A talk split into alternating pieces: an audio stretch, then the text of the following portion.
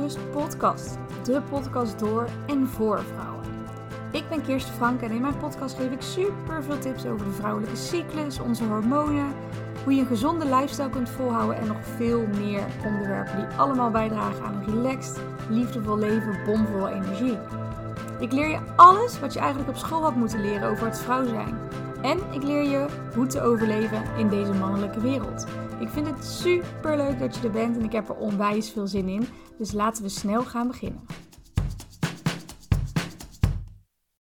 Hey leuke vrouw, fijn dat je er weer bent bij de Kom weer tot de rust podcast. Vandaag een interview samen met Sanne Pulles.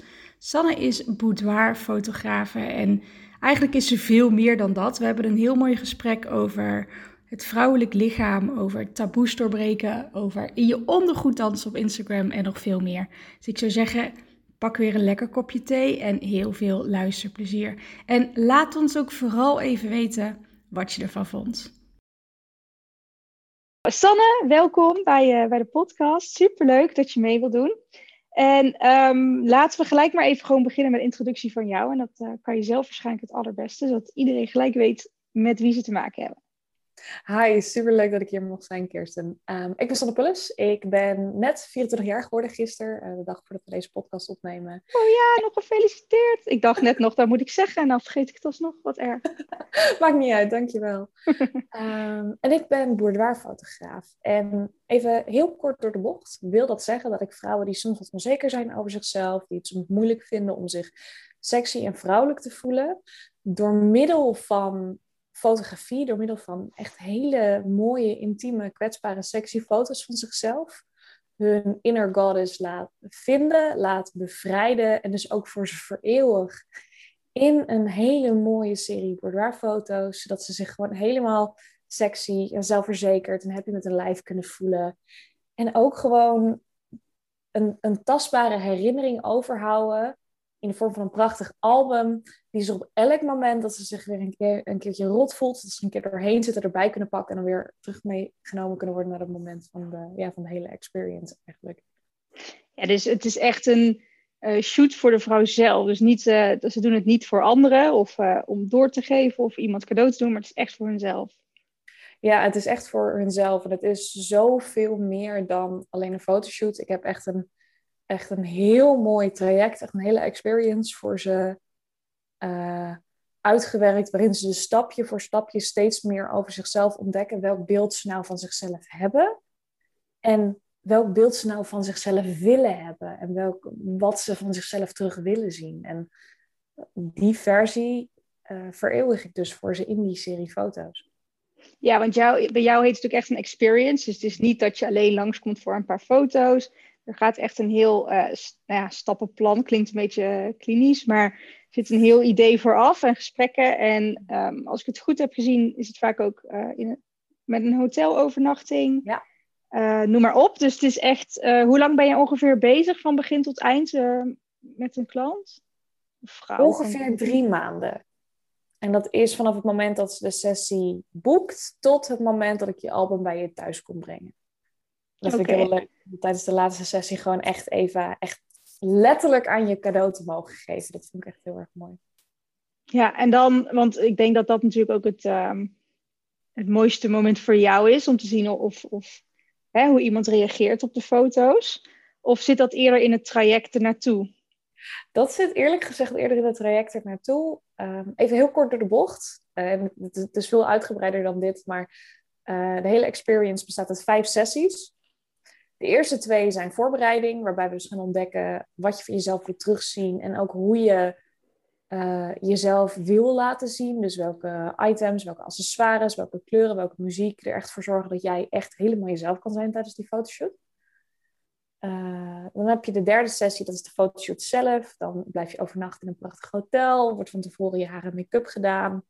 Uh, je mag ook altijd iemand meenemen. Dus ik zeg altijd van, oh, als je een partner hebt of een vriendin die je mee wil nemen, laat die lekker uh, na afloop van de fotoshoot bij jou lekker in een hotel komen. Kun je samen lekker een hapje eten, kun je, krijg je lekker een ontbijtje op bed, kun je gewoon even heerlijk met z'n tweeën relaxen. En de volgende dag, uh, dat is dus de dag na de fotoshoot, om 11 uur s ochtends, sta ik altijd voor de hotelkamerdeur met alle foto's van de sessie. Dat zijn er vaak minstens 50. Die heb ik al voor ze bewerkt. ben ik dan de hele avond mee bezig geweest. En dat moment dat ik ze dan voor het allereerst hun, zichzelf laat zien, maar dan door de bril van, van mij en eigenlijk door de bril van, van hun dierbaren. Dat is voor mij echt het allermooiste moment. Het, echt het, eerste moment dat ze zien van wauw, dit is wie ik ook mag zijn. Ja, dus uh, ja, nou, mooi. Ik ben ook altijd uh, heel uh, benieuwd. Kijk, ik doe wel eens een fotoshoot puur voor, voor zakelijk, voor mijn account. En dan ben je toch altijd een beetje van, ja, ziet het er wel uit zoals ik denk dat het eruit zag? En meestal, 9 van 10 keer is dat beter. Dus wat dat betreft uh, snap ik het gevoel heel erg. maar ik denk ook wel dat dat is wat jouw manier van fotograferen of manier van jouw business opzetten heel anders is. vergeleken met andere boudoirfotografen. Ja. Want als ik het, hoe ik het zie, laat ik het zo zeggen, is dat jij echt gewoon elke vrouw wil leren om van hun eigen lichaam te houden. En zichzelf en zelfverzekerd en sexy te voelen, ongeacht je gewicht of je rondingen of je putten, pukkels, laten we, wat we ook allemaal wel niet hebben. Um, en waarom vind je dit zo belangrijk? Oeh, ik, ik vind, ik, ik, je had me deze vraag ook al eerder opgestuurd. Wat ik merkte is, dat komt ook een klein beetje waarom ik dit, dit, dit vak ben gaan doen, waarom ik me helemaal vast heb gebeten in boudoir, is toen ik 13, 14 was, uh, toen zat ik op de middelbare school en ik merkte gewoon heel erg dat heel veel meisjes bij mij in de pauzes, heel veel van mijn eigen vriendinnen, zich heel erg lieten leiden door hun onzekerheden heel erg in de illusie leefden dat ze niet mooi waren, dat ze het niet waard waren, dat ze niet goed genoeg waren voor, uh, in dat geval vaak jongens, maar eigenlijk voor zichzelf. Alleen dat heb je dan op die leeftijd nog niet door. En dat belemmerde ze echt heel erg in het plezier wat ze van zichzelf en van hun lijf hadden. En ik ben toen foto's van ze gaan maken, puur om ze meer zelfvertrouwen te geven en om ze te laten zien hoe mooi ik ze zag. En daardoor zag ik dat ze helemaal opfleurden, helemaal opbloeiden. Dat het ook leukere vriendinnen, leukere mensen, leukere vrouwen werden.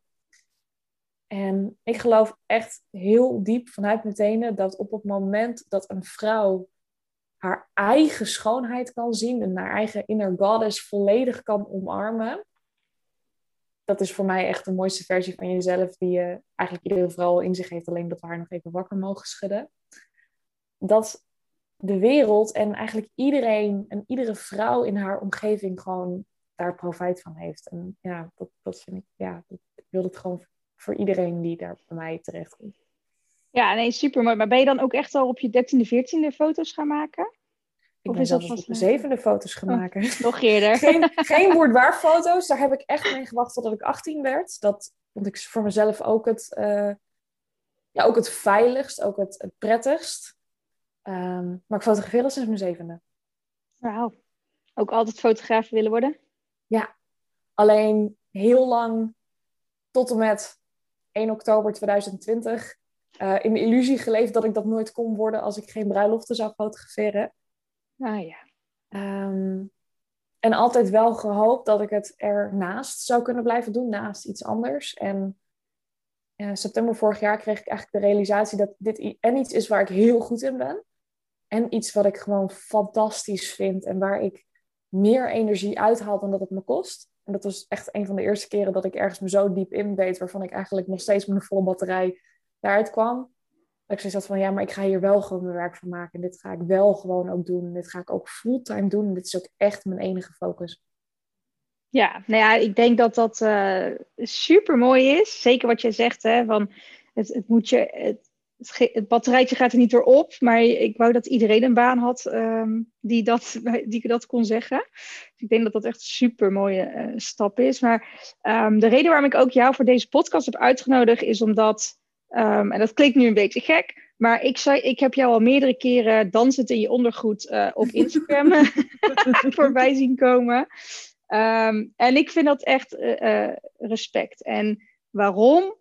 En dat is ook uh, waarom ik van een voorvraag had. Kijk, ik geloof heel erg dat je van je eigen lichaam moet houden. Ook met leven met je flow, met alles over je cyclus. Um, ons lichaam is niet gemaakt om geen buikje te hebben. Wij hebben daar vet nodig, wij hebben dingen nodig. En tuurlijk, er zitten hè, je hebt marges waar je nog gewoon gezond bent en waar je echt, uh, echt risico's vormt. Um, maar ik denk dat er veel te veel druk ligt op vrouwen. Um, momenteel de laatste jaren over hoe we eruit zouden moeten zien en welk maatje we zouden moeten hebben en noem maar op.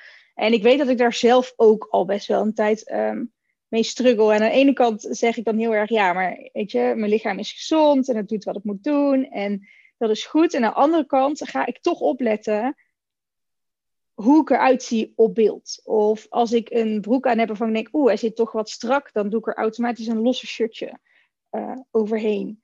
Um, en ik denk dat dat bij zoveel vrouwen, want ook al wil ik het niet, ook al kan ik heel goed tegen mezelf zeggen, hé, hey, maar dit is gewoon mijn lichaam en hier hoef ik me niet voor te schamen.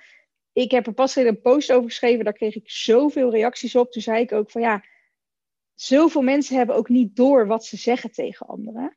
Mm. En hoe dat dus hun zelfbeeld beïnvloedt. Dus um, bijvoorbeeld het feit dat um, niks tegen mijn moeder, maar mijn zus, die is altijd de dunnere, slankere geweest. En ik heb altijd meer de heupen gehad en meer borsten en ook meer vet. Daar heb ik wel heel mijn leven gehoord. En nu sta ik op een punt dat ik over een paar maanden trouwjurk moet gaan kopen. Waarvan ik eigenlijk denk, oh ja, ik zit lekker in mijn vel. Ik ben een keer sinds jaren niet bezig met wat ik wel en niet mag eten. Maar ik ben gewoon naar mijn lichaam aan het luisteren.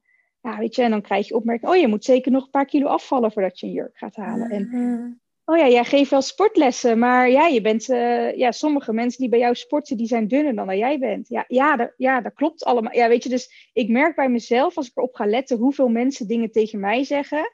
En ik heb dan nog ergens nu zo'n filter die zegt van, oké, wacht even, dit is jouw mening, dit is mijn lichaam, dit, dit heeft geen invloed.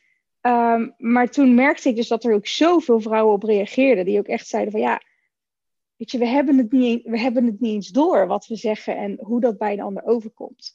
Um, en toen zag ik dus jou dansen, even terug naar mijn, kattenpunt. Toen zag ik dus jou dansen in je ondergoed over, nou ik weet even niet meer waar het precies over ging, maar toen dacht ik, mijn eerste reactie was dus ook, waarom zou je dat doen? En daarna mhm. dacht ik, ja, waarom zou je dat eigenlijk niet doen? Weet je, dus vandaar dat ik, dat ik er ook um, heel erg getriggerd was. Dat ik ah, jou wilde spreken, maar dat ik jou toen ook ja, wat actiever ben gaan volgen, zeg mhm. maar. Omdat ik zoiets heb van, ja, waarom vind ik dat zo raar? Want als een man dit had gedaan, had ik daar heel anders op gereageerd. Hoe had je er dan op ehm, gereageerd?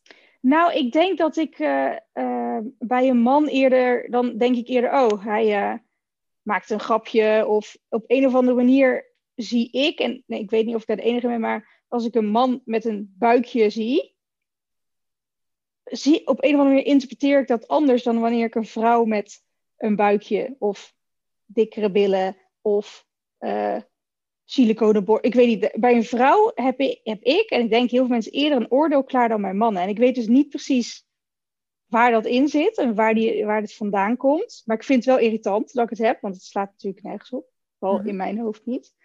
Um, dus daarom werd ik door jou heel erg getriggerd. Dat ik dacht van, ja, maar waarom zou je het eigenlijk niet doen? En toen dacht ik bij mezelf, ja, weet je, um, hoe reageren dan anderen? Dat is mijn eerste, eerste reactie, omdat ik zelf dus ook een eerste reactie zo gaf. Uh, maar achteraf dacht ik, ja, dat is eigenlijk gewoon onzin dat ik daar zo over na zit te denken en dat ik daar uh, zo door getriggerd wordt. Want wat het uiteindelijk is, het is natuurlijk een trigger, is een spiegel voor jezelf. Mhm. Eigenlijk dacht ik, ja, dat wil ik ook kunnen. Zonder dat ik me daar belemmerd in voel of ik het dan wil posten of niet, of uh, met wie dan ook deel. Dus toen, ja, ik weet niet eens meer welk punt ik had. Maar uh, waar, ik, waar ik eigenlijk op neer wil komen, wat is voor jou de reden om het wel te doen? Is voor jou ook een stap, denk ik, de eerste keer dat je zoiets doet. Nou, laat ik het zo zeggen. Ik ga je heel eerlijk zeggen, ik heb al drie filmpjes zoals dat opgenomen en vervolgens niet gedeeld. Omdat ik dacht van, oké, weet je, ik ga het eerst voor mezelf doen. En toen had ik één filmpje had ik gemaakt. En toen had ik zoiets van, oh, die heb ik nu echt al zes keer gekeken. Uh, misschien wordt het tijd om wat te delen. Ehm, maar ik vond hem nog niet goed genoeg, omdat ik voor mezelf nog te veel kleren aan had. En ik had ook gewoon een joggingbroek aan en ik had een dik vest aan. En ik had zoiets van, ja, weet je, ik ben zelf eh, 1,80 Ik ben redelijk bleed. Ik uh, maatje 44 en ik ben ongeveer 95 kilo.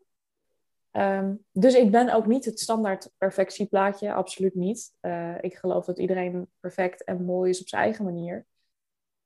Maar precies om die reden heeft het juist meer impact dat ik dat doe. En toen dacht ik van als ik nou ook al maar één iemand hiermee kan inspireren en om een idee te hebben, die reel is inmiddels meer dan bijna 2000 keer bekeken. Met mijn hele kleine 500 volgers die ik heb. Dat was echt zoiets van wow. um, maar waarom ik het doe, is omdat door het zelf te doen en zelf niet het, het, het, het, het, zeg maar het tekstboek voorbeeld van, van een perfect lijf te hebben, kan ik juist alle andere vrouwen, ook al nemen ze niet zo'n filmpje op, wel inspireren om dat ook voor zichzelf te doen. En dat mogen ze helemaal voor zichzelf houden. Hoeven ze echt niet op het internet te zetten. Daar ben ik ook helemaal niet voor. Maar wel om ze te laten zien dat het ook anders kan. Ja, en anders als in je lichaam is goed zoals het is. Ja, want je zei net al dat de eerste reactie van jou was van... hé, hey, waarom zou ik dat doen? Is dat dan misschien toch onbewust zoiets van... oh, ik zou dat, ik zou dat zelf ook willen durven, zonder... Dat omdat, je, omdat het iets is wat je zelf graag zou willen... dat je er automatisch tegen afzet... en dat het een soort onbewuste jaloezie is, bijvoorbeeld. Ja, nee, dat zeg ik. Hè. Het, het was voor mij... Kijk, ik denk er dan ik denk hier dan ook daarna nog over na. Dus voor mij was het inderdaad een spiegel met twee dingen. Aan de ene kant dacht ik, wauw, het lijkt me zo lekker als je dat punt hebt dat je daar gewoon, ja, even soms echt helemaal scheid aan hebt, helemaal durft en er helemaal voor gaat. Ehm, nu merk ik dat ik daar wel steeds meer kom met alles wat ik aan het doen ben. Um, maar aan de andere kant dacht ik ook gelijk, oké, maar ik weet ook waar bij mij mijn tegenstand zit. Ik heb bijvoorbeeld een vriend of verloofde moet ik tegenwoordig zeggen. Mm Gefeliciteerd. Ja, ja, dank je. En die zegt heel vaak van, uh, waarom zou je dat doen? Dan ben je jezelf gewoon aan het verkopen. Ja? Je bent je gewoon dan toch aan het hoereren als je naakt online gaat staan. En, weet je, dus, en zo heb ik ook wel mijn familie en dingen. Dus ik, ik, mhm. ik weet nu, oké, ik daar zit mijn, uh, hè, mijn, mijn tegenstop, zeg maar, om het niet, tot nu toe niet te gaan doen. Omdat ik dan denk, ja, maar hij zal ook, weet je. Ehm, maar wat jij zegt, inderdaad, het is ook een stukje, ehm, eh, ja, bijna wel jaloezie. Als in, wauw, weet je, dat iemand dat gewoon doet en scheid heeft. En dat zou ik eigenlijk ook moeten doen. Maar daar ben ik nog niet, weet je. Dus het is, daarom uh, corrigeerde ik mezelf natuurlijk ook wel bewust. Of oké, maar wacht hm. even, hoezo vind ik dit nou zo raar of zo gek of noem maar op. Want ik vind het juist alleen maar tof. Dus het is heel dubbel. Maar ik was eigenlijk gewoon... Ehm, ja, weet je, ik merkte gewoon, ik ging toen ook een beetje polsen bij de, bij de dames waar ik mee in mijn programma zit. Ehm, ben ik iets meer op het vrouwelijk lichaam gewoon tegenwoordig aan het focussen. En ja, daar zit gewoon zoveel schaamte achter. Mhm. Ehm, en dan gaat het niet per se over gewicht. Ja, ook. Maar, of uitstraling, maar ook gewoon je grijze haren. Of het lukt me niet om zwanger te worden. Of ehm, deze kleren zijn in de mode, maar dat wil ik helemaal niet. Weet je, we hebben zo'n. Naar mijn idee zijn er zo weinig vrouwen die gewoon volgen en doen wat ze zouden willen doen. Mhm. Ehm, en ik ben al. En kijk, nu heb ik het natuurlijk eigenlijk meer over het stukje vrouwelijk lichaam, omdat ik gewoon weet dat dat een heel, heel groot ding is. Ehm, maar ik vraag me toch altijd wel een beetje af van, ja, weet je, hoe komt dat nou? Dat wij, dat wij vrouwen zo vaak moeite hebben met ons lichaam. Dat we Weet je, we vinden het niet gek dat we een kind op de wereld kunnen zetten, wat door 3000 processen door je lichaam gaat en dat we dat allemaal maar doen is normaal. Maar we verwachten daarna weer iets wat we eigenlijk nooit gehad hebben. Ja. Ik weet niet of, of jij daar wel eens met vrouwen over hebt. Ja, dat verwacht ik wel aan het begin van je programma misschien. Van hè, wat zou je anders willen zien? Of hoe zou je jezelf anders willen zien? Um, waar lopen ze dan het meest tegenaan? Vind ik een hele interessante vraag. Daar wil ik heel graag zo even op terugkomen. Maar als je het goed vindt, zou ik je over het verhaal wat je hier net voor zelf hebt verteld, twee vragen willen stellen. Vind je dat goed? Zeker. Top. Ehm, je had het als eerste over eh, je moeder en je zus. En je zus is echt een, een sprietje. Ik, ik ken haar verder niet, maar um, zou je me willen vertellen wat het postuur van je moeder ongeveer is? Ja, dat is meer mijn kant op. Mm Kijk, ik weet ook waar het vandaan komt. Mijn moeder die ehm, ik weet niet, als je luistert, mam, sorry. Maar ehm, weet je, ik heb altijd, mijn moeder die vindt, heeft zichzelf nooit, uh, wat dat betreft, denk ik, uh, sinds ze kinderen heeft, niet meer teruggekregen op het uh, lichaam wat ze daarvoor had. En dat laat ze ook altijd weten dat ze daarvan baalt en dat het niet lukt en, en noem maar op. Uh, en ik weet dat ze daarin mij ergens in probeert te uh, behoeden om, om, dat niet te, om dat niet te hebben. Dus ik weet, ik weet waar het vandaan komt. Maar ja, dat, ik, ik lijk ook in alles um, heel veel op mijn moeder. Dus uh, ja, dat. Dat vind ik heel bijzonder, want mijn moeder heeft namelijk precies hetzelfde. En mijn moeder is uh, wel meer een sprietje. Um, die heeft altijd nog dat zwangerschapsbuikje gehouden. En op een gegeven moment heb ik haar gewoon letterlijk gevraagd van waarom maak jij je meer zorgen over mijn gewicht dan dat ik dat doe? Het was even stil. Het was even boos. En toen een halve dag later kwam ze naar me terug. En toen zei ze van ja, eigenlijk zit ik er zelf mee. En toen zei ik van ja, maar dan hoef je dat niet aan mij te spiegelen. Want ik zit er niet ja, mee. dat is ook zo. Ja. um, en gewoon alleen al de vraag aan mijn moeder stellen van waarom is dit voor jou een grotere issue dan voor mij? Was al zo een eye-opener voor haar. En waarom ik dit even wilde behandelen is omdat ik me heel goed kan voorstellen dat als er vrouwen naar deze podcast luisteren en zoiets hebben van ja, maar er is iemand in mijn leven die mij dat gevoel geeft, dat ik te zwaar ben. Misschien is het wel gewoon hun eigen onzekerheid wat ze afspiegelen naar de buitenkant. Ja, dat kan, dat, ik denk dat dat, dat kan ook. Ja, en dat is dus het. Uh, kijk, nu, nu gaf ik een voorbeeld. Hè, en uh, uh, dat, uh, is helemaal niet erg. Maar ik, dat zit ook, er zit bij mij ook zeker iets bij mij van binnen. Mm-hmm. Um, waarvan ik ook vind dat ik een bepaald figuur moet hebben. En waar dat ergens precies is ontstaan, dat zal uh, in mijn jonge jaren zijn geweest. En ik ben dus ik ben heel bewust bezig met mijn mindset om dat los te laten. En echt naar mijn lichaam te luisteren. En het niet uh, uit te hongeren omdat het, uh, weet ik veel, vijf kilo minder zou moeten hebben volgens ja. de gemiddelde getallen. Um, maar ik geloof niet dat er heel veel vrouwen zijn die daar zo bewust mee bezig zijn. Kijk, ik weet dat ik ermee bezig ben omdat ik in dat wereldje zit. Ik heb sportopleiding gedaan, ik heb voedingsopleiding gedaan. Ja, ik heb eigenlijk gewoon hotelschool gedaan, maar ja, dat, uh, daarna heb ik allemaal uh, andere dingen gedaan. Ik heb jaren mensen, ik kan mensen ook prima coachen op sport en voeding. Ik kan mezelf ook coachen. Ik weet allemaal hoe het werkt. Mhm. Uh, inmiddels weet ik hormoontechnisch dat maakt een heel groot verschil of het lukt om af te vallen of niet. En dat is waar heel veel vrouwen last van hebben, zonder dat ze weten. Dus dat is ook de reden waarom ik die hoek in ben gegaan. Omdat ik vind dat vrouwen daar veel te weinig over leren. Überhaupt weten we te weinig daarvan. Mm-hmm. Um, maar ja, daardoor ben ik ermee bezig. Daardoor weet ik het. Dus ik kan me voorstellen dat er gewoon heel veel vrouwen die eeuwige strijd voeren om ergens aan te voldoen. Al is het hun eigen beeld of dat van iemand anders. Um, dus ik was daarom ook um, um, heel erg benieuwd van, weet je, wat is er volgens jou nodig, uh, zodat ze weer van zichzelf gaan houden en hun eigen lichaam?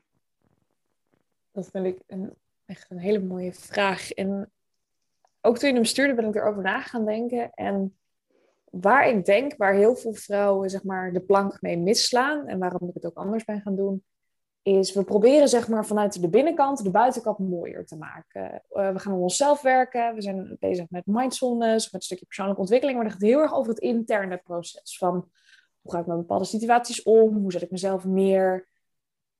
Maar dan heb je nog dat lijf, wat een constante reminder is van alles wat je al hebt doorgemaakt. Um, wat je, en wat, dat zie ik bij, echt bij heel veel vrouwen, wat je nog tegenhoudt. En wat ik doe, is precies andersom. Ik zorg doordat je de buitenkant kan zien hoe mooi het is, dat dan de binnenkant zich ook beter gaat voelen. En Ja. niet andersom. Nee, dus jij zegt eigenlijk door jezelf gewoon echt te zien zoals je bent en dat dat mooi genoeg is en goed Mhm. genoeg is, dan verandert het van binnen ook. Ja. Want heb jij na het traject, dus als jij, hè, de, je hebt het fotoalbum, eh, wat je zei, die ga je persoonlijk eh, langsbrengen. Ehm, krijg je daarna nog wel eens berichten van hoe ze zich een paar maanden later voelen? Of dat er hele dingen anders eh, beleefd worden? ja, ik kan het echt heel goed zien. Ik ken of vrouwen die na de experience een betere relatie hebben gekregen met hun partner, omdat ze zichzelf nu eindelijk gezien hebben door de ogen van de ander. En dus eindelijk een keer kunnen zien waar al die complimentjes nou vandaan zijn gekomen. Ik had bijvoorbeeld een vrouw die.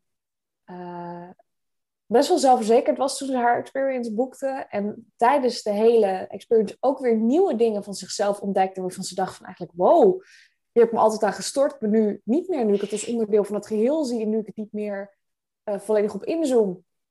En ze zei van ja, nu elke keer als mijn vriend me een complimentje geeft, dan denk ik weer terug in die foto's en denk ik van ja, je hebt gelijk, schat. Ik, uh, ik, ik, ik ben gewoon hartstikke sexy. Ik ben gewoon hartstikke mooi. En het komt ook omdat, even heel simpel, als wij onszelf zien, dan zien we ons alleen maar in de spiegel. Op foto's, die dan misschien een keer een selfie zijn, of die een keer een vriend of een vriendin even onverhoopt heeft gemaakt. Of naar beneden. als je ja. met je hoofd naar beneden kijkt. En het is gewoon fysiek niet mogelijk om jezelf zo te zien zoals de rest van de wereld je ziet. En dat is dus iets waarvan ik denk wat echt, weet je, dat noem ik altijd een beetje de geheime superpower van die hele fotoshoot. Is dat je jezelf echt kan zien voor, voor wie je echt bent. Ehm, en een ander voorbeeld, en dat is precies de andere kant op, is juist doordat vrouwen zich meer gaan waarderen, zijn ze bijvoorbeeld ook uit een relatie gestapt. Omdat ze merkten dat hun partner hun niet voldoende voldoening gaf. En ze zo'n slecht gevoel gaven over hun lijf. Hm. Dat ze zoiets hadden van, weet je, ik heb nu gezien hoe mooi ik ben. Ik kies nu voor mezelf en daar hoor jij niet meer bij. En dat is ook een heel heftig proces. Ja, zeker. maar zoals ik al zei, het, het, het, het is door vrouwen te helpen de buitenkant te zien voor wat het echt is en wel op de mooiste, fijnste, meest comfortabele manier die ik ze maar kan bieden.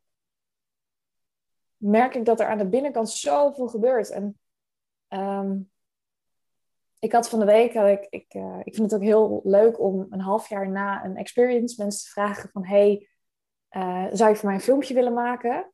En dan mag je gewoon je telefoon neerzetten, mag je gewoon op record drukken en gewoon vertellen wat eruit komt dan stel ik ze gewoon eigenlijk drie vragen van, hey, hoe gaat het nu met je? En wat zijn de grootste veranderingen uh, die je hebt gemerkt sinds je de experience gehad hebt? En wat is je het meest bijgebleven? En een van de dames zei ook van, ja, het begon eigenlijk als cadeautje voor mijn vriend. En het is eigenlijk het grootste cadeau voor mezelf geworden.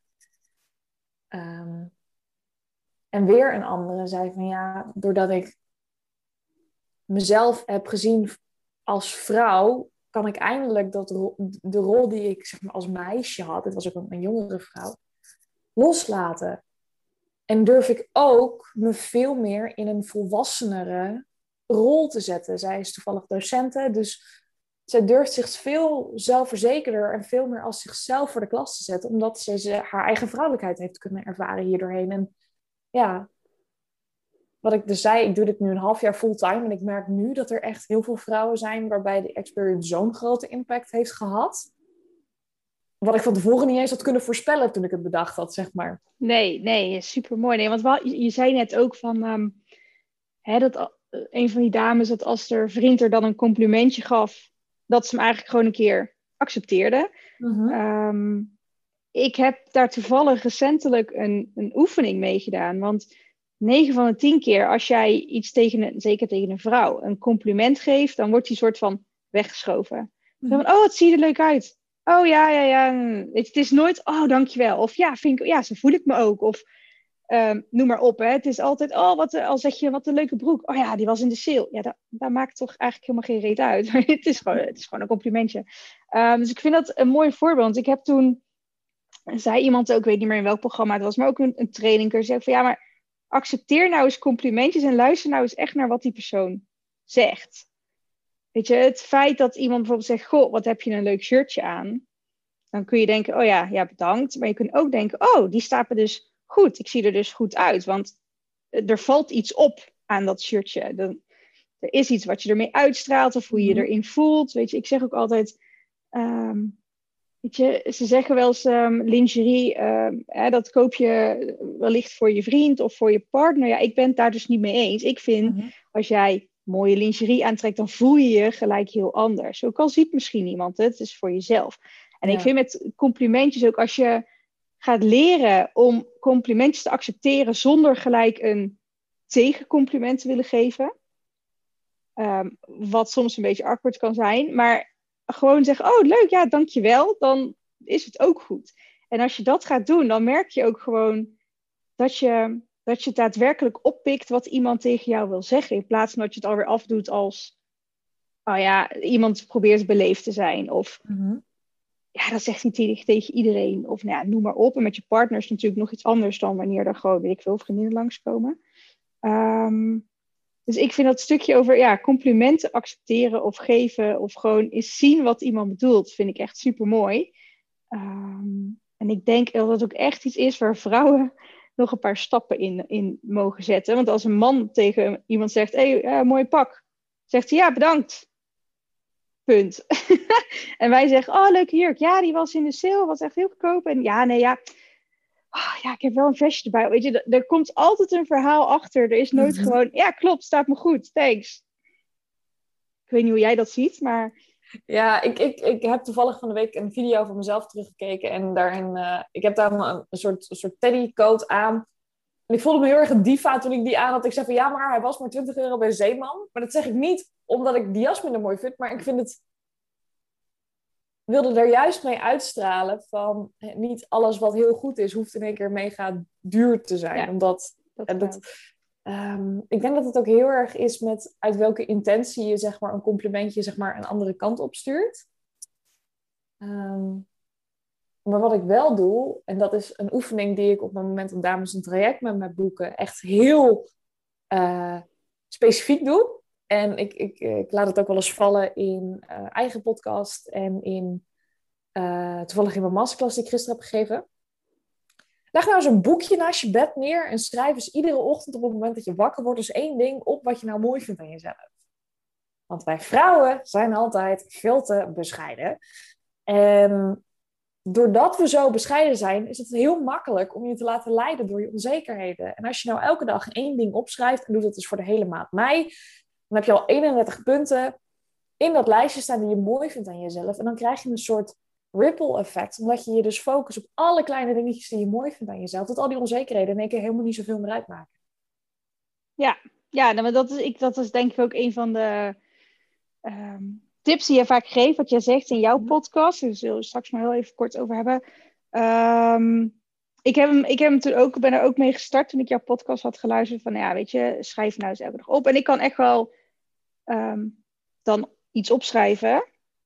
Maar ik merkte toen bij mezelf dat ik het nog niet uh, direct voelde. Dus ik kan wel opschrijven. Ik vind mijn borsten mooi. Maar dan denk ik, ja, maar ik, kan, ik ben het nu aan het opschrijven omdat ik iets op moet schrijven. Snap je? Dus ik had daar een Mhm. beetje moeite mee. En ik snap, ik snap ook wel dat het werkt. Want je mag het ook gewoon gebruiken als, uh, als startpunt en als, als erover nadenken natuurlijk. Um, maar als je nu aan mij zou vragen, weet je, wat vind je het mooiste aan jezelf? Ja, daar zou ik echt even, echt even over na moeten denken. Mhm. Dus ja, dan denk ik, ja, er zijn uh, best wel veel dingen. Eigenlijk zou je gewoon alles aan jezelf mooi mogen moeten uh, vinden. Mm. En ik denk dat als ik het voor mezelf nu zou moeten zeggen, wat ik het mooist vind aan mezelf, is gewoon mijn, uh, het feit dat mijn zelfvertrouwen elke dag groeit. Of het nou lichamelijk of mentaal of, of wat dan ook is. Weet je, dat ik uit mijn comfortzone durf te stappen. Uh, op welk gebied dan ook. Maar dat voelt dan weer gelijk als, ja, maar dat is weer een ander deel. Dus als het, dat is weer iets anders dan het lichamelijke stuk. Mhm. Um, dus ik, heb, ik zelf heb daar dus dan best wel wat moeite mee. Ik weet niet of vrouwen daar ook tegenaan lopen en dan zeggen, ja, mijn ogen, mijn mond, mijn neus en uh, mijn benen, ik zeg maar wat. Of dat, ze, dat die wel echt dan dieper erin kunnen gaan en dat dan ook echt allemaal gemeend opschrijven, zeg maar. Snap je wat ik bedoel? Dat, dat snap ik heel goed. Waar, waar, wat ik leuk vind om met vrouwen te doen die altijd werkelijk een experience hebben geboekt, dat is een oefening die ik ze eigenlijk gelijk na uh, het eerste belletje wat ik met ze heb meegeef. Wat ze dan moeten doen tot aan de, de eerste sessie, zeg maar. Uh, en op een gegeven moment vraag ik dan van, hey, hoe gaat het met je lijstje? En op een gegeven, ik merk vaak dat ze bij dag zeven, dag acht op een gegeven moment vastlopen. En dan vraag ik aan ze van, vertel eens wat je allemaal hebt opgeschreven. En dan krijgen ze, uh, eigenlijk elke vrouw begint met mijn ogen. ik, ik weet 100% zeker dat als je dit, als je dit zeg maar 10.000 vrouwen laat doen, dat 95% begint met mijn ogen. ik durf mijn hand redelijk voor het vuur te steken.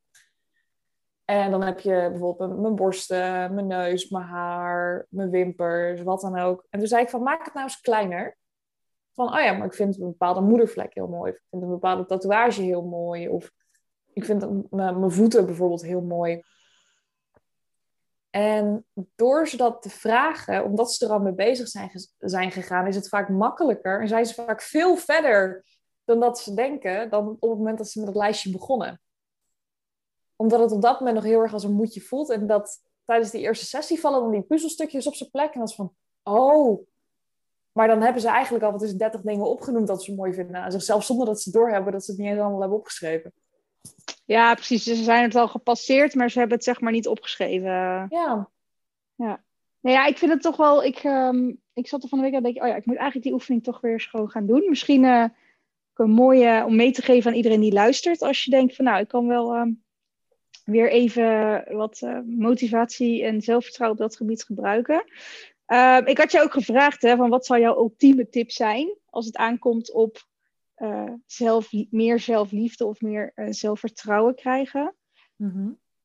Heb je iets kunnen formuleren? Uh, nou, dit is echt de oefening die voor mij het allermeeste verschil heeft gemaakt. Dus daarom wil ik wil me heel specifiek even benadrukken. maar de tweede, en die vind ik eigenlijk wel net zo belangrijk, is dat je um, en wat ik je dan even, ik, ik ga de oefening gewoon gelijk even met je doorkletsen. En je kunt het gewoon doen terwijl je de podcast luistert. Voor jou wordt het wel lastig, keer dat je moet een paar dingen doen. Ga eens naar de kruidvat, naar de Ethos, naar de Lush, naar de Douglas, naar de Easy Paris. Scroll lekker rond in hun webshop. En zoek eens een bepaalde doucheolie of badolie of product in elk geval waarvan jij denkt van, oh, hier word ik heel erg happy bij. En dat mag iets van de lust zijn, dus echt wat meer high-end. mag ook echt iets van de kruidvat zijn, als je er maar happy van wordt. Dan sluit jezelf eens op in de badkamer, ga eens onder de douche staan. En zeep jezelf gewoon serieus eens een keer drie minuten in met, met, met een douchegel of met een doucheolie. En wees eens even heel erg bewust van je lijf. Want heel vaak, weet je, we douchen bijna allemaal elke dag, tenminste ik wel. Uh, dan moet dat even snel, snel, snel. Dat moet even vlug. Maar of je dat nou twee minuten vlucht doet of drie minuten even heel bewust met je lijf bezig bent, dat maakt zo'n mega verschil. Omdat je dan je lijf ook voelt, je raakt jezelf aan en dat, dat kan gewoon op een zo fijne of zo prettige manier als voor jou comfortabel is. Maar je bent wel even dat momentje op de dag waarbij je toch eigenlijk al met jezelf bezig bent, je staat toch onder de douche neem je gewoon even twee, drie minuten de tijd om even helemaal met je lijf te zijn. Ja, hele sterke, sterke oefening. Ik heb hem ook wel eens uh, een stapje verder mogen doen. Dat je um, na het douchen, bijvoorbeeld, of als je opstaat, um, ook je body lotion of je gel of noem maar op, um, voor je spiegel gaat insmeren. Dus dat je echt mm -hmm. eigenlijk gewoon naakt voor je spiegel staat of zit en dat je dan ook op je gemak um, dat gaat doen. En dat vond ik ook echt wel een hele sterke um, ja, ervaring, om het zo maar te zeggen. Ik heb het mm -hmm. twee keer gedaan en eigenlijk dacht ik, ik moet vaker doen, maar dat schiet er dan helaas weer ja, een beetje bij in. Um, en het is in het begin ook heel gek, omdat je dat dus nooit doet. En toen dacht ik ook, ja oké, okay, nou zit ik een paar minuten naakt voor mijn eigen spiegel. Raar. Maar aan de andere kant dacht ik, ja, waarom is dat zo raar? Want je, dat is pas echt het moment dat je naar jezelf kijkt. Want ja, normaal als je uit de douche stapt, is het afdrogen. Je trekt eigenlijk zo snel mogelijk weer kleren aan. Um, dus als ik ook een oefening mee zou mogen geven, voor iedereen die luistert, is dan misschien een, een, tweede stap, omdat heel veel mensen toch wel heel spannend om, om naakt voor je spiegel te gaan staan of gaan zitten. Um, maar smeer het gewoon eens rustig in, weet je. En al het gevoel wat er komt, misschien is dat is dan vanuit mijn kant echt wel laat het er maar zijn. Weet je, als je daar zit of onder je douche staat en je bent er even ongelukkig over, dat is oké. Okay. Weet je, die emoties mogen er even uit. Kijk wat het triggert, waar komt het vandaan. Maar geniet gewoon vooral inderdaad even dat je tijd voor je eigen lichaam neemt. Want dat pakken we echt veel te weinig. En ik denk ook of je nou je, de douchevariant pakt, zeker ook als je die douchevariant pakt, als je daarmee bezig bent, voel je ook veel meer in je lichaam. Mm-hmm. Je voelt veel beter uh, hoe voel ik me nu? Of ben ik gestrest? Of um, ben ik ergens aan toe of niet? En dat is ook iets waar we natuurlijk door, als we een drukke dag hebben, veel vaak gewoon overslaan. uh, of ons niet eens bewust van zijn dat we misschien wel behoefte hebben aan hele andere dingen die dag. Precies. En waarom ik hem ook specifiek in deze vorm vertel, is bijna elke vrouw die ik spreek vindt het, moe vindt het moeilijk om tijd voor zichzelf in te plannen. En weet je, douchen doen we toch elke dag. Dus ik probeer zeker de eerste stap, want wat jij zegt, dat naakt voor de spiegel jezelf insmeren, dat heeft zo'n mega impact. Maar dat is voor heel veel vrouwen echt nog een brug te ver. Wat ik ook snap, want als je ergens, als je bij nul begint, dan lijkt dat in één keer al stadium 20, zeg maar. Ja, absoluut. Dus ik probeer ook heel vaak met de eerste oefeningen die ik voor de eerste sessie meegeef, ook zo heel erg zo makkelijk toepasbaar mogelijk te maken. En ook al doe je het een minuutje, ook al doe je het 30 seconden, als je gewoon even dat kleine momentje op dagelijkse basis pakt, dat je met je eigen lijf bezig bent, dat maakt al zo'n mega impact in wie je in de spiegel ziet op het moment dat je uit de douche stapt. Ja, nee, absoluut. Dat is, ik vind het ook echt een hele, hele uh, mooie tip. Ik zou zeggen, als je nu aan het luisteren bent, probeer het eens. Je staat inderdaad toch onder die douche. Um, maak het ook een luxe, wat je, precies wat jij zegt. Dat je koop inderdaad een body lotion douchegel wat voor jou helemaal ja, genietmomentje, jouw moment ervan maakt. Zeg ik dat, dat mag altijd als je je eigen momentje pakt, vind ik. Um, en laat het ons dan ook vooral even weten als je het ja, gedaan hebt. Laat weten hoe het, uh, hoe het voelt of um, hoe het was. Um, ik heb voor nu eigenlijk niet zo snel meer uh, de vragen ertussen zitten.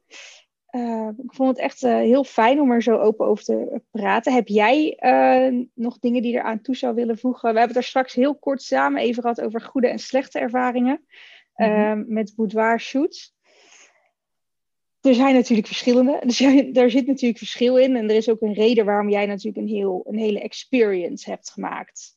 Mm um, misschien kunnen we nog heel kort even aanhaken op wat we het daar straks over hadden. Is dat um, als je een, eigenlijk een slechte shoot hebt, dat dat uh, een beetje een tegenovergesteld effect gaat hebben op wat je natuurlijk wilde bereiken met zo'n shoot. Mm -hmm. um, en dan vooral, nou ja, denk ik, mentaal. Ja, Um, eerste ding, je vertelde me net al even, en als je het hier niet over wil hebben, mag ik dat met alle liefde zeggen, dat jij al één keer eerder een boudoir-fotoshoot hebt gedaan en dat dat niet helemaal was zoals je had verwacht. Ja, klopt. Zou ik, je daar wat meer over willen vertellen? Nou, ik dacht gewoon, ik ga een... Uh, um, kijk, ik, ik ben niet per se uh, bang of schuw voor de camera. Sterker nog, ik doe ook voor mijn bedrijf natuurlijk geregeld shoots. Dat heb ik altijd leuk gevonden. Ik heb ook wel eens uh, met oud-collega's die dan als hobby fotografie hadden, heb ik ook wel eens voor geposeerd. Weet je, ik heb dat altijd leuk gevonden. Um, en ik dacht, nou ja, laat ik eens kijken of ik er of ik wat mooie foto's kan maken. Vind ik ook wel leuk om aan mijn vriend te geven, maar het, het is ook wel een, uh, voor mezelf een, nou, toch wel een mentaal dingetje. Um, dus ik heb dat geboekt en ik zal er eerlijk bij zeggen, ik, ik zat toen financieel vooral op een stuk waarvan ik dacht, nou, ik wil er niet te veel aan uitgeven. Uh, want dat had ik toen. Ik was heel erg aan het investeren in mijn bedrijf. Dus het, het, het kon geen uh, duizenden euro's gaan kosten. Um, dus het was wat goedkoper. En um, achteraf heb ik daar gewoon heel erg spijt van gehad. En ik, uh, volgens mij heb ik, ja, ik heb je ook een paar foto's hè, laten zien. Mm -hmm. um, en ik zal me ook eerlijk zeggen, ik heb er toen via via ben ik hierin gekomen. Ik heb me daar ook niet enorm in verdiept. Hè, ik had een paar foto's gezien, die vond ik mooi. Um, het was, uh, het was in de buurt, het, het, kon nog binnen de, de plan. Dus ik dacht, hey, let's go for it. Het, zal, het komt vast goed. Um, en toen ik de foto's terugkreeg, ja, ik had dubbele gevoelens. Er waren er een paar waar die ik echt sexy vond. Uh, waar ik mezelf vooral heel krachtig en stoer vond. En de rest was vooral heel ongemakkelijk, denk ik. Als ik, weet je, heel geposeerd. En ik zei net al tegen jou, het was eerder gewoon zwarte achtergrond of een witte achtergrond. Er zat verder helemaal niks um, omheen of bij of nou ja, noem maar op. Um, waardoor ik altijd dacht, nou, sindsdien eigenlijk gedacht heb, ik denk niet dat ik er ooit zo mooi op een boudoir shoot eruit kom zoals ik al, al die andere vrouwen zie.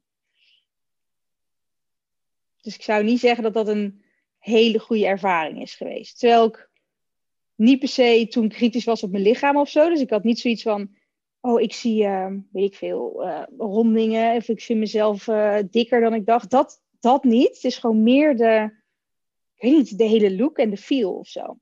Mm Ik vind het heel bijzonder. En dat je zeg maar door één aparte ervaring dat je er al bij neer hebt gelegd van, oh, dit is niks voor mij. Ik zie mezelf vast nooit zo terug als dat andere mensen dat doen. Door één ervaring, door één fotoshoot. Ja. terwijl ik weet, ik weet ergens wel dat het niet zo is, hè. Want ik, Mhm. ik heb dat stukje bewustwording. En ik heb daarna ook nog shoots gehad voor mijn eh, bedrijf, waar ik super mooie foto's uit heb gekregen. Maar ik zit oprecht, ik wil voor Kom weer tot rust ook een keer een boudoir shoot doen, omdat ik juist weet dat dit mijn, mijn doelgroep ook onwijs kan helpen. Alleen ik merk gewoon dat ik het uit en uit en uit blijf stellen. Ehm, omdat ik dan denk, ja, dan komt het er misschien weer niet uit te zien zoals ik het eruit zou willen. Zoals ik dan een beeld in mijn hoofd heb, zeg maar. Nou, vertel eens. Probeer eens zo visueel mogelijk te beschrijven hoe dat er dan uit moet komen te zien. Ja, dat is dan wel weer een goede vraag. Ja, weet je, ik, bij mij, weet je, ik denk dat ik, als ik het nu doen, gaat het ook heel erg om de sfeer. Ehm, Mhm. Weet je, en wat ik zou willen laten zien is eigenlijk wat jij ook zegt, weet je, elk lichaam is prachtig, weet je. En ik zou, ik zou dus die rolletjes waar ik zelf soms nog moeite mee heb, die zou ik gewoon op een foto willen zien en denken, ja, maar zo hoort het. Dit Mhm. is, eh, dit is zeg maar het vrouwelijk lichaam.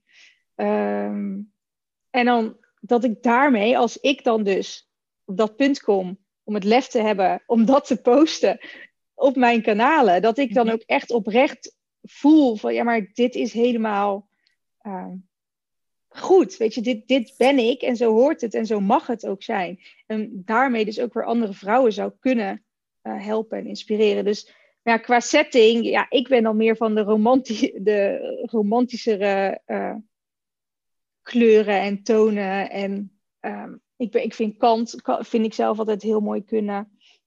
Nou ja, noem maar op. Dus ik, ik heb daar dus nu, omdat ik natuurlijk ook al vaak over nagedacht heb, een heel ander beeld bij eh, dan voorheen. Maar het heeft er toch, een, toch weer even een grote drempel op gezet of zo. Dat is zo jammer. ja, nou, oké, dit is ook een reden natuurlijk hè, waarom ik dit graag ook be- bespreekbaar maak. Want ik krijg heel vaak eh, mensen in mijn DM op Instagram die zeggen van wow, en je bent echt je bent super zelfverzekerd. En, ik, nee, ik gooi mezelf soms ook gewoon voor de leeuwen. Omdat ik dan Mhm. denk, ja, maar als jij het niet zegt, wie dan wel? Ehm, neem niet weg dat ik daar ook een kleine hartverzakking af en toe bij krijg. Maar dat wil ik er niet meer bij hebben. Snap je? Dus dat zou ik willen hebben. Als ik nu weer die foto's maak, dan zou ik gewoon zonder ene schaamte of wat dan ook het online durven zetten en ook gewoon zeggen, ja, maar dit ben ik. Punt. En het is goed. Maar dat is precies wat jij doet. Ik zie je even kijken, ja, I know. Ehm, maar eh, ehm, snap je dus het... ehm, kijk, neem niet weg, ik kan als ik zou willen hier natuurlijk... Ik vind het niet eens zo spannend om een shoot te boeken. Het is ook een stukje financieel. Er zit een, zit een heel stuk achter. Maar ik merk wel, en dat het voor mij al een grotere stap is... Terwijl ik dan eigenlijk nog best wel comfortabel ben met fotoshoots boeken... eh, met mijn lichaam, noem maar op. Dus dan denk ik, wauw, dan zou het voor anderen... moet het nog twee keer zo erg zijn. En zeker als je een keer een ervaring hebt... waarvan je denkt, oh, nou, is dat het? Ik kan me voorstellen. Ja, en dat, dat is ook. Toen ik deze experience bedacht, zoals ik al zei, ik fotografeer al sinds mijn zevende, dat is nu al 17 jaar inmiddels. Ik fotografeer al 11 jaar mensen en dan vooral vrouwen. En toen ik deze experience bedacht, heb ik gewoon heel duidelijk mezelf afgevraagd van hoe moet hij er dan in de meest perfecte vorm uitkomen te zien? En voor mij was het mega belangrijk, allereerst dat je jezelf herkent in de foto's die van je gemaakt worden. Dus dat die hele experience bestaat uit elementen die jou jezelf maken. Want waar ik niet van hou, is als je dan een hele mooie fotoshoot hebt en dat dan die foto's zo bewerkt zijn dat je jezelf niet meer herkent daarin. Dat je niet meer de, de echte versie van jezelf herkent. En om een foto, om een voorbeeld te geven van een fotograaf waarvan ik vind dat ze prachtige foto's maakt. Bijvoorbeeld Josephine Hoekstra. Ehm, maar haar foto's zijn zo extreem geretoucheerd. Uh, ze doet ook vooral eh, fashion en editorial uh, foto's. Ik zou mezelf niet herkennen in haar foto's. En het is een heel mooi genre, maar ik geloof echt dat door vrouwen op hun mooist neer te zetten, in een setting die ze eigenlijk zo groot als deel zelf gecreëerd hebben, Waarbij ze ook nog eens een setje, een lingerie setje aan hebben, wat speciaal voor hun ontworpen is. Ik ben sinds kort met een lingerie ja. samenwerken. Uh, die dus voor alle dames die een sessie bij mijn boek een setje op maat gaat maken. Wat ik echt een van de meest bizarre... Dat, dat is denk ik een van de meest briljante ideeën geweest die ik ooit hierover gehad heb. Um, maar het geeft je zo de mogelijkheid om jezelf letterlijk en, en figuurlijk bloot te geven, dat ik zoiets heb, ook in de foto's die je daarna van jezelf terugziet, haal ik alleen maar pukkeltjes, blauwe plekken, uh, schaafwondje, een keer wallen weg. En de rest ben je gewoon helemaal zelf. En er is alleen gespeeld met licht en met kleur, maar niet met je lijf. Nee. Ik heb wel eens aanvragen van vrouwen gekregen die zeggen van, oh, kun je dat rolletje daar wegwerken? Ik zeg zo, uh, nee. dat ga ik gewoon niet doen. Nee. nee. En ik zei, als je nou je armen omhoog houdt, bijvoorbeeld, dan wordt sowieso je torso smaller. Dan neem ik dezelfde pose. En alleen als je bijvoorbeeld je, je rechterarm nog meer omhoog, dan, dan zie je het al niet meer. Maar het is, het is er nog wel, maar het stoort je niet meer. En dan is van, oh, ah, ja, zo had ik er nog helemaal niet naar gekeken. En ik probeer dus door middel van poses die passen bij het lijf van de dame die daadwerkelijk een experience bij mij boekt, je zo te fotograferen dat al jouw beste features, beste highlights naar voren gebracht worden. Ja, nou ja, mooi. Blijft mooi. ja, zo zien we maar weer dat um, weet je, het is helemaal de, de ervaring die je bij iemand doet. En dat het heel belangrijk ook is, denk ik, als je zo'n shoot doet, ehm, om je goed in te lezen. En ook, uh, kijk, weet je, bij jou is een hele experience. Dus mensen die maken natuurlijk hè, uh, ook echt kennis met je. Die zijn al in een traject met je voordat ze aan de foto's zijn. Um, mm. Maar voor de dames die het op een andere manier doen en denken: ik doe alleen een shoot, weet je, wees je jezelf even heel bewust van wie er achter de camera staat en, en wat hij of zij met jou wil bereiken. Want anders dan kom je nog niet uh, waar je uit zou willen komen. En vooral, en dat is ook wel een beetje mijn, ik denk dat ik, nou ja, misschien moet ik daarmee afsluiten. Mijn eerlijkheid is dat ik had die shoot ook anders in moeten steken. Dat is achteraf praten. Ik had toen zoiets van, oh, ik wil een cadeau voor mijn vriend maken. Maar ik had gewoon moeten denken, nee, ik ga dit doen voor mij. Hoe ik het wil, hoe ik vind dat ik er mooi op sta. En dan krijgt zij ook toegang tot de foto's of, of noem maar op. Ja. Uh, in plaats van dat er iemand aan de andere kant van de camera stond en zei: Ja, doe maar of, je, of, je, of de camera je vriend is. Kijk maar even sexy. Ja, ik kan dat niet. Ik heb, ook helemaal, ik heb vooral heel hard gelachen toen om mezelf, omdat ik dacht: Wat hoe doen mensen dit? Um, maar snap je, dus dat is, een, dat is echt ook even een, een, een compleet tegenovergestelde ervaring gehad dan wat jij doet, natuurlijk. Uh, maar ja, als, je, als er mensen, dames luisteren die denk ik wil doen, nogmaals, le lees je daarom in. Weet je, kijk ook of je een connectie hebt met die foto's, met de fotografen, met hoe hij of zij het aanpakt. Met de stijl is ook heel belangrijk. Ja, de stijl, maar ook je, ja, weet je, wat je aan wilt trekken. Zorg dat je iets aantrekt wat voor jou fijn voelt of zit. Of als je niks aantrekt, weet je, uh, zorg dat jij je gewoon comfortabel voelt. Um, maar ja, dat, uh, dat is toch wel uh, vrij lastig soms, denk ik. Mm -hmm. Maar daarom niet minder mooi of minder belangrijk. Ik heb, om je een idee te geven, ik heb serieus vrouwen die één keer iets over mij gelezen hebben, of één keer bijvoorbeeld dat, dat dansfilmpje van mij hebben gezien, dat ik in ondergoed door een hotelkamer dans en zeggen van, ik heb geen idee hoe ik dit ga betalen, maar als ik dit doe, wil ik het alleen maar bij jou. En dat, ik moest er serieus van huilen toen ik dat las, want weet je, voor mij is het grootste cadeau wat je me kan geven, is dat ik dit voor je mag doen. Um, En wat je net ook zei, is jij ging heel erg je vorige sessie in met het idee, ik wil dit voor mijn vriend doen. Ik denk dat je echt een goede boudoirfotograaf herkent, die vraag aan je terugspiegelt en zegt van, doe je dit ook voor jezelf? Ja, ja denk ik ook. Ik krijg serieus wel eens aanvragen van vriendjes van, hey, ik wil dit heel graag aan mijn vriendin cadeau doen. Mag dat?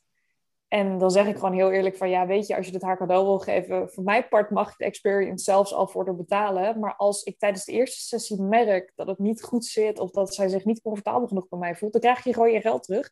Uh, want ik wil eerst haar spreken, want zij gaat op de foto, niet jij. Ja, ja. Ja op zich, het idee als je het aan iemand wil geven, vind ik wel mooi. Ik bedoel, want, uh, nou ja, weet je, ik, ik weet, het, het het is best een investering. Ik zeg, het is het geld meer dan waard, denk ik. Maar als je het in één keer moet betalen, of weet je, het is even een stap die je weer in jezelf uh, um, investeert. Uh, maar ik vind het wel heel mooi als je vriend cadeau uh, wil doen om vooral jouzelf in je kracht te laten staan. Uh, maar ik snap wel wat je zegt. Weet je? Het is wel die klik en wat wil die vrouw. Want als jij het cadeau krijgt, maar je denkt bij jezelf: Oh mijn god, ik, ik vind dit echt verschrikkelijk. Of ik wil het helemaal niet. Ja, dan gaat het natuurlijk ook niet worden hoe het zou kunnen worden. Mm-hmm. Denk ik. Nou ja, ik, um, ik vind het mooi. Um, ik heb weer veel te veel over mezelf verteld. Maakt niet uit. Ik, uh, maar ik denk dat dat een gesprek ook heel erg uniek maakt. Dat het, ja. Je hebt gewoon twee of drie vragen waarmee je begint. En dan vormt het zich gewoon precies zoals het zou moeten zijn in die zin ben ik dan wel weer heel zweverig daarin. Maar nee, ik, heb dat ook wel. En we hebben natuurlijk van tevoren tegen elkaar gezegd: dan, hè, je mag vragen wat je wil mhm. eh, van beide kanten. Dus dan kom je er zo op. Um, als laatste, stel dat er dames um, nu denken van... hey, ik moet hier meer over weten, over de hele boudoir experience. Uh, waar kunnen ze je vinden? Hoe kunnen ze je bereiken? Waar kunnen ze... Ik weet dat je hele mooie foto's op je, op je site hebt staan. Mm Um, het beste wat je op dit moment kan doen, is mij een berichtje sturen via Instagram. En dat is Boudoir. En dat ga ik even voor je spellen, want uh, en ik ga het ook een keer vragen dat even in de omschrijving. Ja, ik zet alles sowieso in de, in de, de teksten eronder. Ja. Maar het is S-A-N van Nico, nog een keer Nico. E, P van Peter, U, dubbel L, E, S, B-O-U-D-I-O-R. Yes. En daar staat echt, ik heb hem toevallig uh, ook nog hier, hier openstaan, want ik was van tevoren nog even aan het kijken. Daar kun je ook een idee krijgen van uh, de hele experience, maar vooral ook van de uh, soort foto's en jouw stijl, noem maar op. Um, ehm, super mooi. En dat is ook jouw Instagram naam, hè? Ja, ik bedenk me trouwens net dat ik boudoir verkeerd gespeld heb, want dan zie ik het voor me in mijn hoofd. D-O-I-D-O-I-R, toch? Ja, het is goed. Het staat allemaal in de keynote. Ja, te, super. Heel fijn. Dan zie ik het in mijn hoofd en dan wordt het allemaal een grote blur. Maar Um, via Instagram, ik heb een hele uitgebreide link in bio. Uh, daar, op Instagram ben ik ook het allermeest actief. Ik heb ook een eigen Facebook community, maar alle linkjes ervan, ook naar mijn website, ook naar mijn vorige werk, ook naar mijn eigen podcast, Even Photographers Guide to Self-Love, kun je daar allemaal vinden. Dus laat me ook even zeker weten als je deze aflevering hebt geluisterd, uh, wat je van deze aflevering vond. Vind ik altijd heel leuk om te horen. Ja, zeker. Ik ook. Dus nogmaals, ik zet alles in de keynote, zowel de Instagram als de website als jouw podcast. Want daar kunnen ze natuurlijk gelijk um, naar doorklikken, waar je ook al mm tips en waarden deelt. Um, super bedankt, Sanne. Graag gedaan. Fijn dat je er was. Mega leuk. En um, ja, nou ja, wie weet dat ik in de toekomst uh, bij je aanklop. mm Om mijn ervaringen e-, even opnieuw te doen. Maar voor nu zou ik zeggen, hartstikke bedankt voor je tijd. En dan gaan we hem afsluiten. Helemaal goed, graag gedaan.